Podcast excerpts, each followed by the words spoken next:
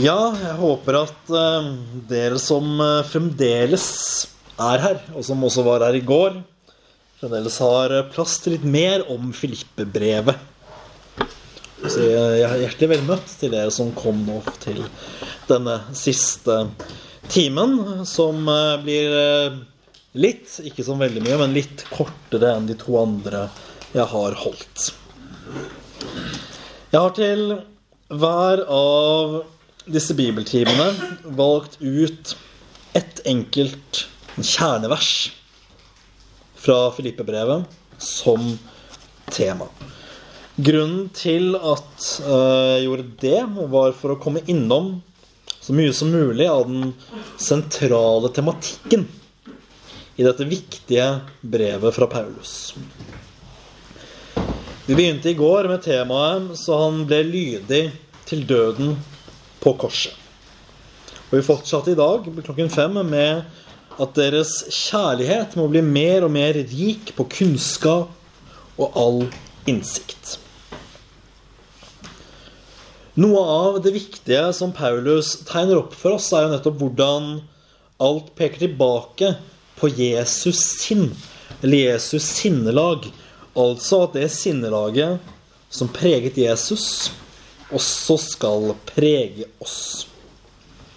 Så begynte vi med å se på hva dette sinnelaget besto i på fredag, og fortsatte videre inn i hvordan vi skal forstå dette med henblikk på menighetens indre liv, som nå var den forrige bibeltimen.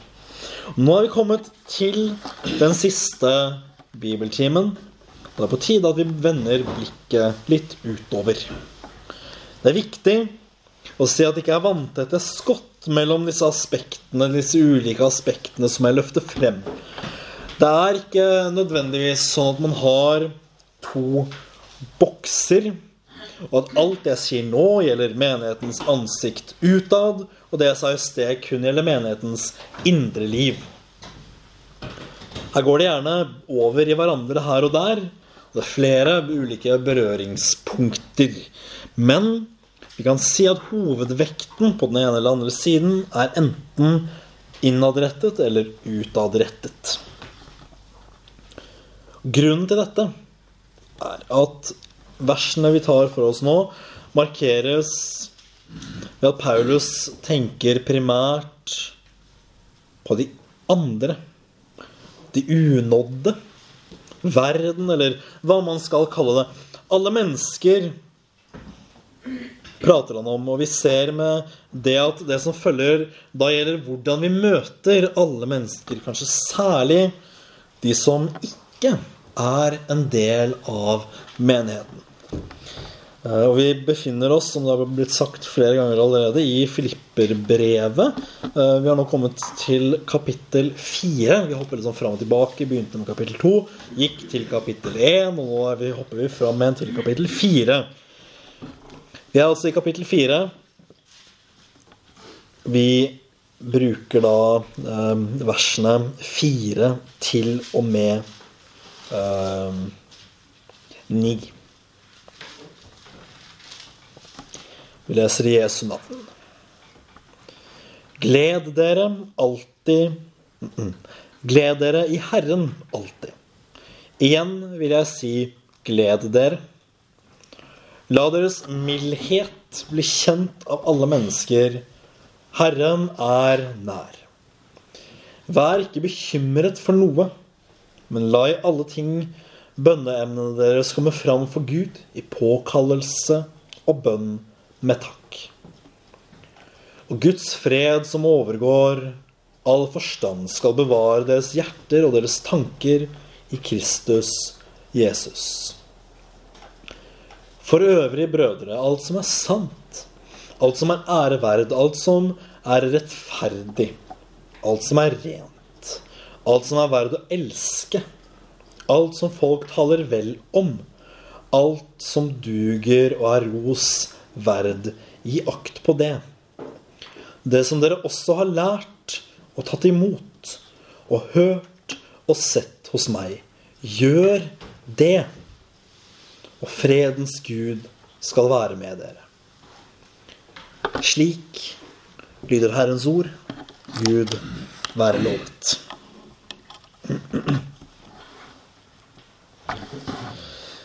Et ganske viktig spørsmål som jeg tenker det er naturlig at vi stiller oss som kristne, det er om vi kjennetegnes av glede. Er menigheten vår traust og trist? Eller er den preget av en glede vi har fått fra Herren?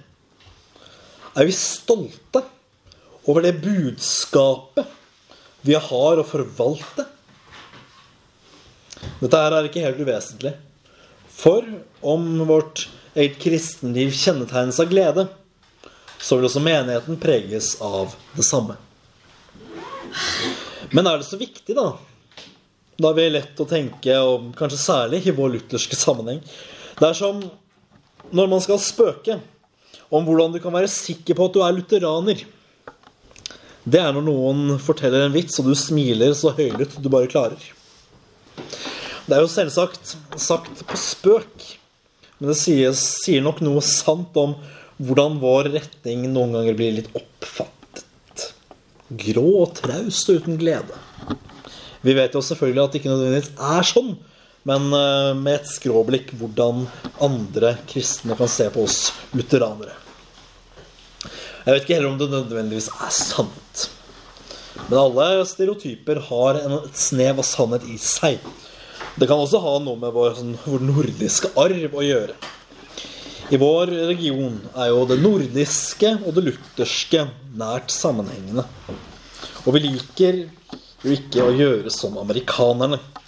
Eller hopper og skriker og ler i sin himmelske glede. Det er heller ikke poenget at vi skal gjøre akkurat det. Men vi bør likevel spørre oss om vi kjennetegnes av glede eller av noe annet. For en av farene er at vi kan heller kjennetegnes av mismot.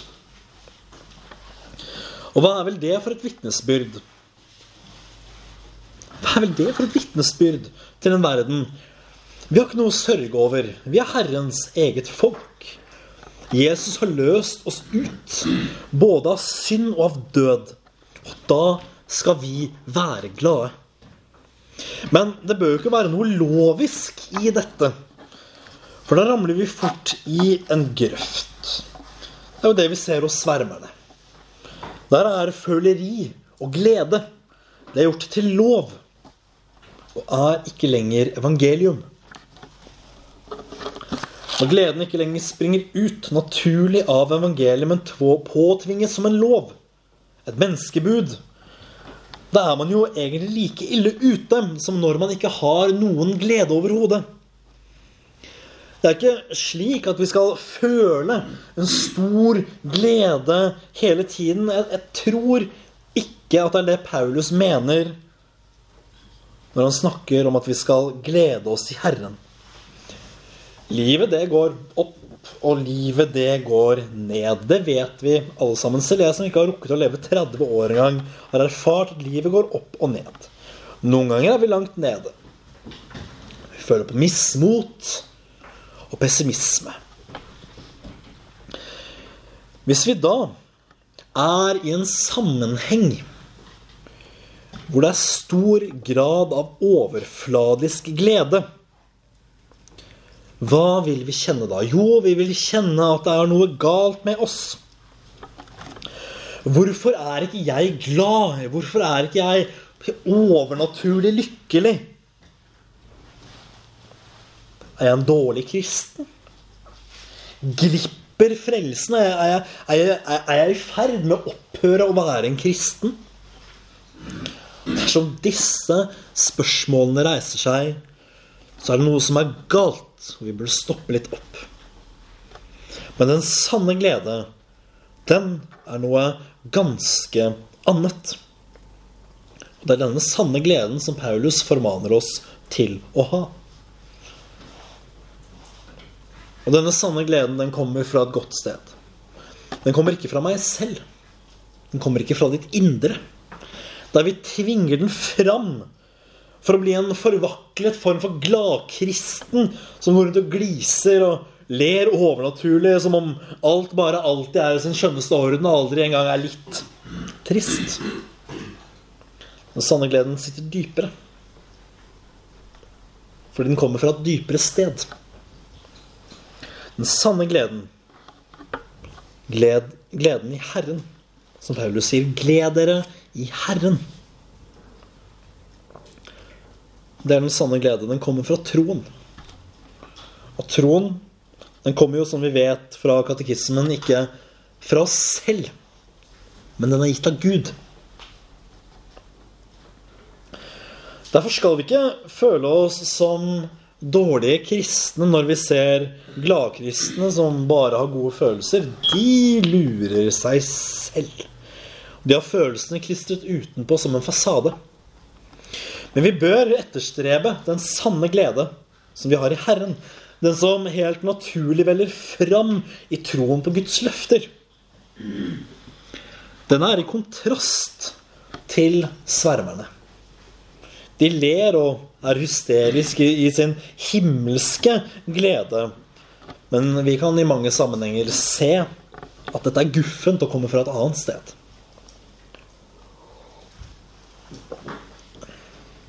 Nei, den sanne himmelske glede, den virker ikke nødvendigvis overnaturlig. Den er rolig og trygg. Vel kan vi rammes av mismot søvnløse netter og tanker om hvordan skal dette gå når verden raser imot, og vi lurer på hvordan vi skal klare å bli stående. Vi kan rammes av mismot, men denne gleden den overgår all forstand. Den sitter dypt i oss. Det er ikke alltid vi kjenner den. Det er ikke alltid vi kjenner denne gleden. Men den kan være der likevel, og vi bør spørre oss selv om den er der i vårt eget liv og i menigheten vår.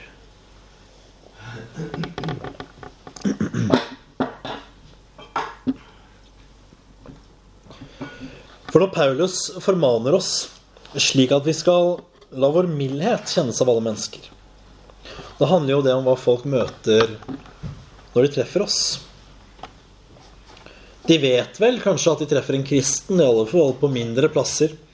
Eller når de kommer inn i vår våre kirker og våre bedehus, så vet de vel at de møter en kristen forsamling.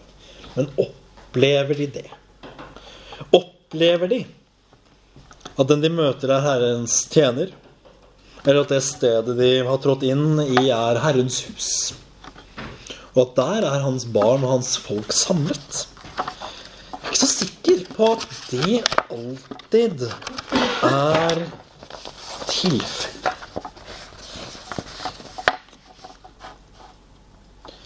Men jeg syns det er interessant og godt at det er mildhet som er ordet Paulus velger å bruke. Han kunne brukt så mange andre ord for å beskrive hvilken stemning vi skulle preges av, så folk kunne se det. Han sier ikke at vi skal la alle mennesker merke at vi har rett.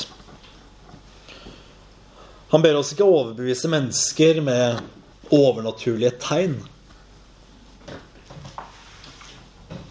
Han sier ikke at vår iver skal bli kjent av alle mennesker. Paulus formaner oss om å være milde, og at vi skal la denne mildheten bli kjent av alle mennesker.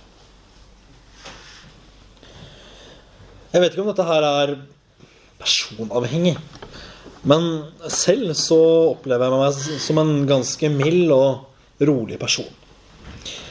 Og det, det sier jeg ikke nå for å setter meg selv fram som et eksempel på det Paulus uh, snakker om, er en som oppfyller det på en, på en god måte. Uh, det er ikke det jeg tenker, men jeg tenker at det handler om den ro og trygghet som evangeliet skal være.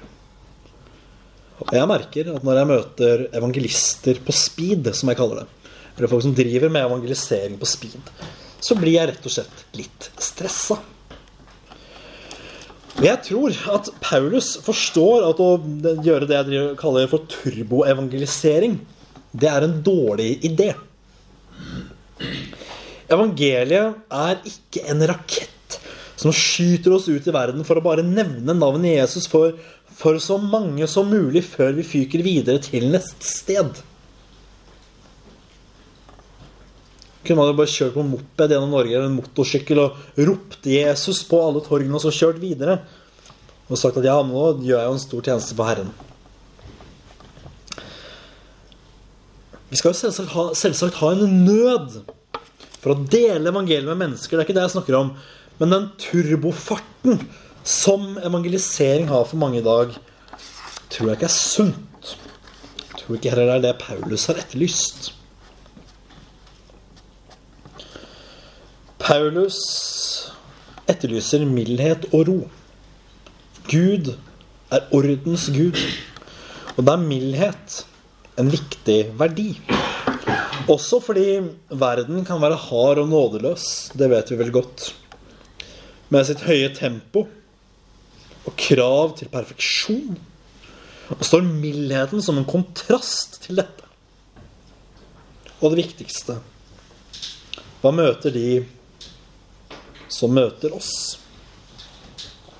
Og hva er det de ser når de ser hvordan vi behandler hverandre? Er vi harde og nådeløse mot hverandre? Mot andre mennesker som Gud har satt under oss eller over oss på ulikt vis?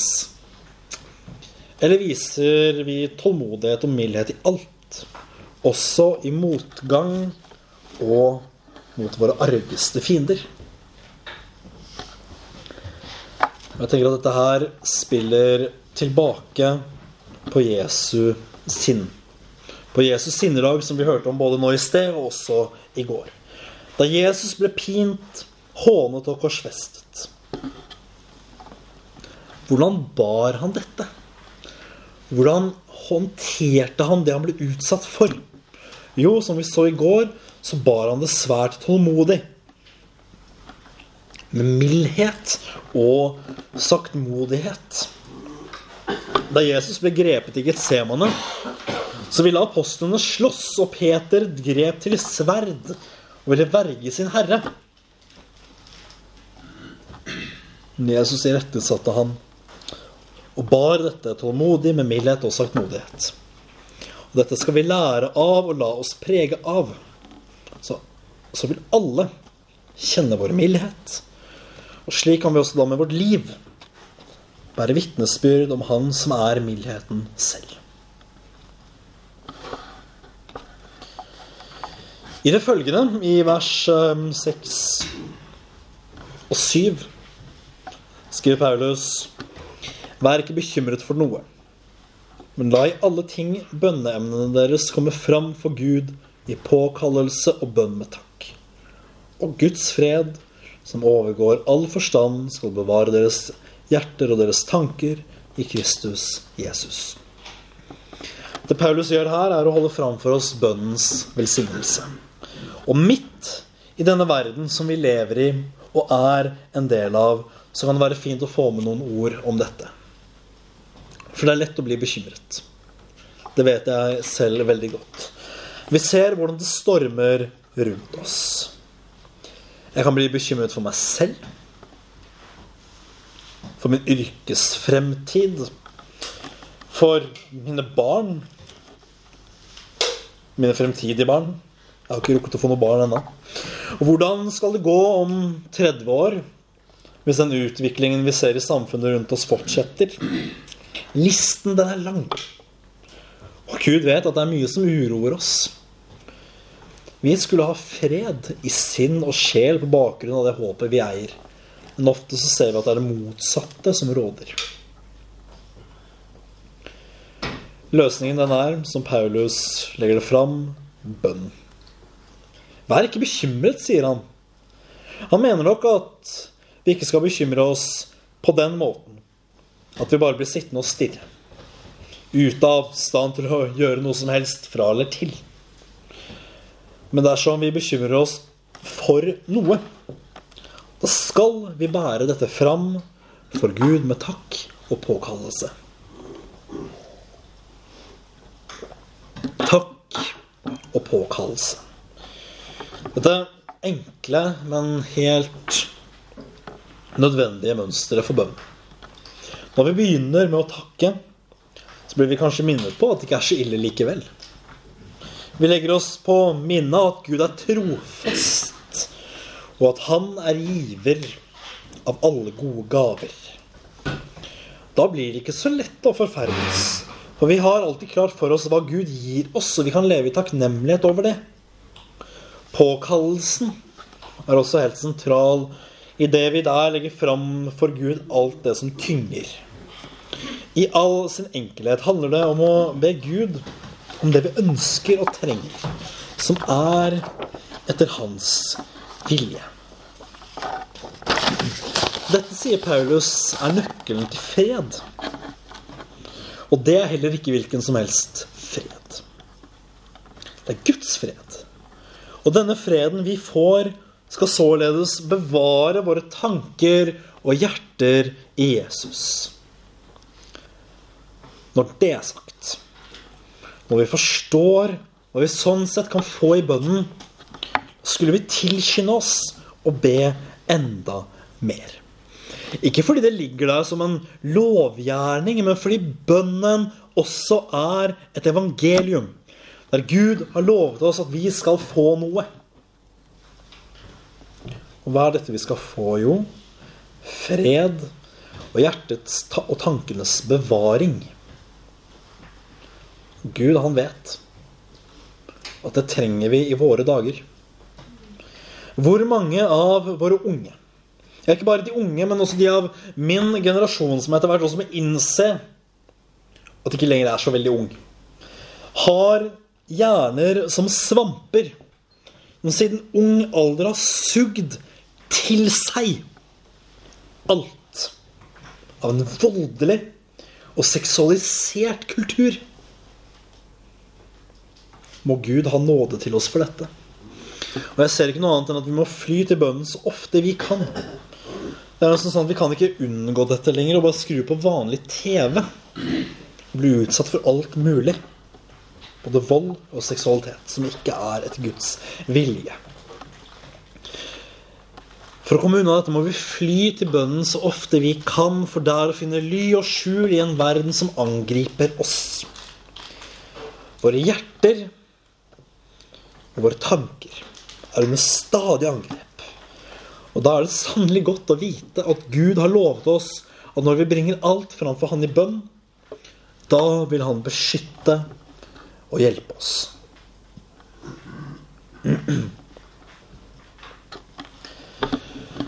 Videre, for å belyse litt hvorfor det er viktig, hva vi gjør som menighet, og hvordan vi framstår til menneskene der ute i verden og hva vi preges av, så må vi hoppe litt tilbake igjen.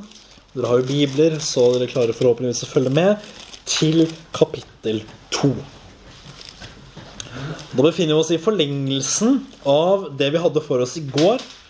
I går var vi gjennom eh, kapittel 2, vers 5 til og med 11. Nå skal vi lese 12 til 16 i Jesu navn.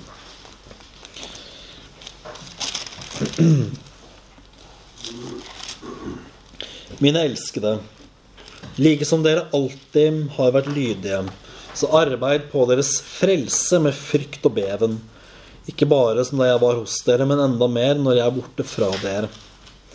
For Gud er den som virker i dere, både å ville og virke til Hans gode behag. Gjør alt uten knurr og tvil, så dere kan være uklanderlige og rene Guds ulastelige barn midt i en vrang og forvent slekt. Dere skinner blant dem som lys i verden. Idet dere holder fram livets ord til ros for meg på Kristi dag. At jeg ikke løp forgjeves eller arbeidet forgjeves. Slik lyder Herrens ord. For det første må det løftes fram det Paulus sier i vers 13. Gud er den som virker i dere. Nå rører vi innom det som har med gode gjerninger å gjøre. Vi må fremfor alt holde fast ved at hva enn vi gjør, kan vi aldri, aldri noensinne fortjene frelse og rettferdighet for Gud ved det vi gjør. Det handler om dette, at de gode gjerninger, det å være mild, god og slike ting, det gjør vi ikke for å fortjene frelsen. Det ville vi aldri klart. Det er ting vi gjør fordi Gud virker dem i oss. Enten i mer, enten i større eller mindre grad. Dette er det Paulus i kapittel 1,11 kaller rettferdsfrukter. Når han sier 'fylt av rettferdsfrukt ved Jesus Kristus Gud til ære og pris'. Dette er det Paulus kaller rettferdsfrukter som vi har ved Jesus Kristus. Det er ikke vanskeligere enn å forstå at dette er frukter som vokser fram naturlig etter rettferdiggjørelsen. Det kunne vært interessant å holde en egen bibeltime over dette med gode gjerninger. Jeg vil ikke snakke for mye om det nå, men heller se på hvorfor det er viktig for Paulus at vi bærer fram denne frukten. Det handler jo om vitnesbyrde, som vi skal bære frem der vi skinner frem som lys i mørket. Paulus er jo, som vi leser, ikke nådig mot verden. En vrang og forvent slekt, kaller han dem. Og vi ser jo i våre dager vel så godt som Paulus gjorde at verden ligger i et stort åndelig mørke. Det er for å være helt ærlig ganske begredelige tilstander. Men vi skal ikke undre oss, for slik har det jo alltid vært. Det åndelige mørket, det trykker og verdens barn vil ikke vite av lyset fra det sanne evangelium. Men vi blir kanskje redde. Og ser at vi lever jo ikke det perfekte livet vi, vi tenker at vi burde. Er vel jeg ren og uklanderlig? Er vel jeg et ulastelig Guds barn? Minnet om våre synder står så klart for oss at Pauli ord bare faller døde for oss, og vi kan bli fristet til å gi opp. Har vel jeg et vitnesbyrd? Kan vel jeg skinne? I møte med disse tankene må vi holde fast ved det aller mest nødvendige. For i det finner vi også kilden til hvorfor vi kan være frimodige på våre egne vegne. Hva er det som gjør at vi skinner i mørket? Er det vår egen fromhet eller våre gode gjerninger? Nei, Paulus han setter det raskt i sammenheng med det vi gjør for evangeliet. Og taler fram livets ord, som han kaller det. I det drar fram livets ord. Dette er den største gjerning. For livets ord er evangeliet.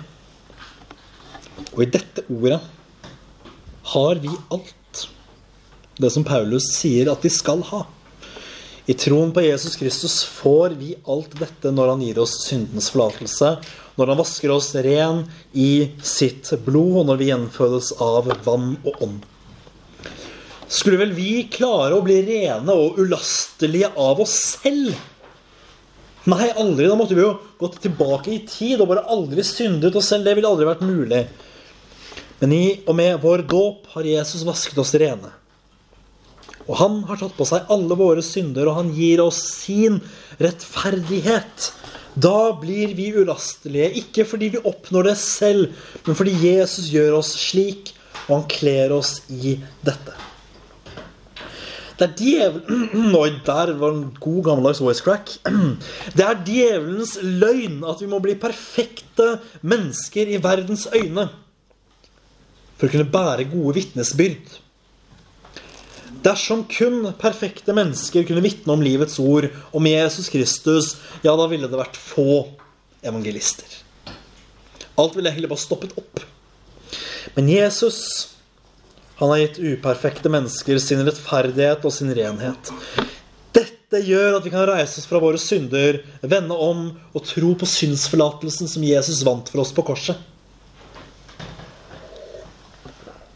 Hva skal vel vi frykte? Bibelen forteller oss at vi er Guds barn.